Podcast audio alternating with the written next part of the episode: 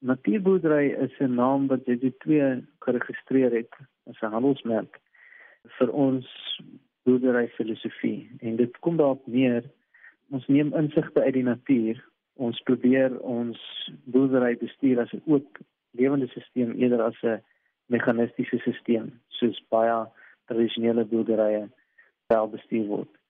Ander terme soos herlewingsboerdery, bewaringsboerdery, organiese boerdery vang aspekte van natuurboerdery vas, maar ons is van die mening dat natuurboerdery meer omvattend is. Dit is 'n filosofie en uh, ek moet sê dit is nie organiese boerdery, daar is steeds ruimte vir 'n chemiese intervensie hier en daar. Hy vergelyk die manier van boer met 'n gesonde leefstyl. As jy gesond eet, genoeg slaap, oefen en fiks bly, is die kans dat jy gaan siek word baie minder. Maar die dag as jy wel 'n operasie vir ding moet kry, wil jy nog steeds antibiotika kan drink of 'n chirurg kan gaan sien. Jy wil nie daai intervensie heeltemal uitskakel nie.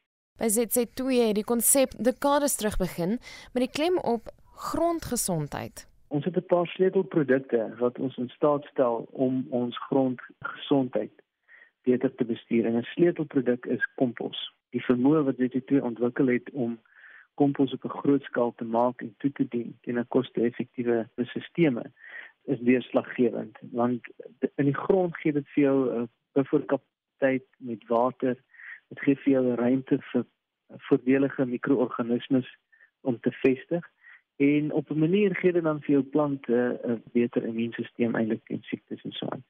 Die ander groot ding is geïntegreerde pes en plaagbeheer. Die vermoë wat mens kan ontwikkel met skelts om pesuitbrake so gou as moontlik te identifiseer en dan baie gerig en baie spesifiek intervensie te pleeg. Dit kan selfs chemies wees om daai pes te bestuur voor hy groot skade maak.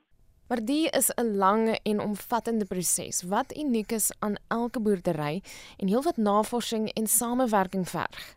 Weet jy twee is al meer as 20 jaar lank besig op hierdie natuurboerdery ontdekkingsreis. Ek glo nie ons sal ooit op die punt kom waar ons sê ons is nou daar nie. Ek, ek dink ook nie mense moet dit so eenvoudig sien as 'n praktyk of 'n meganisme waar jy glad nie chemiese dinge gaan gebruik nie. Die chemiese bestanddele of komponente wat beskikbaar is in die landboubedryf is baie waardevol en ek dink dit het die wêreld se samelewing gebring tot waar ons nou is oor die laaste paar dekades.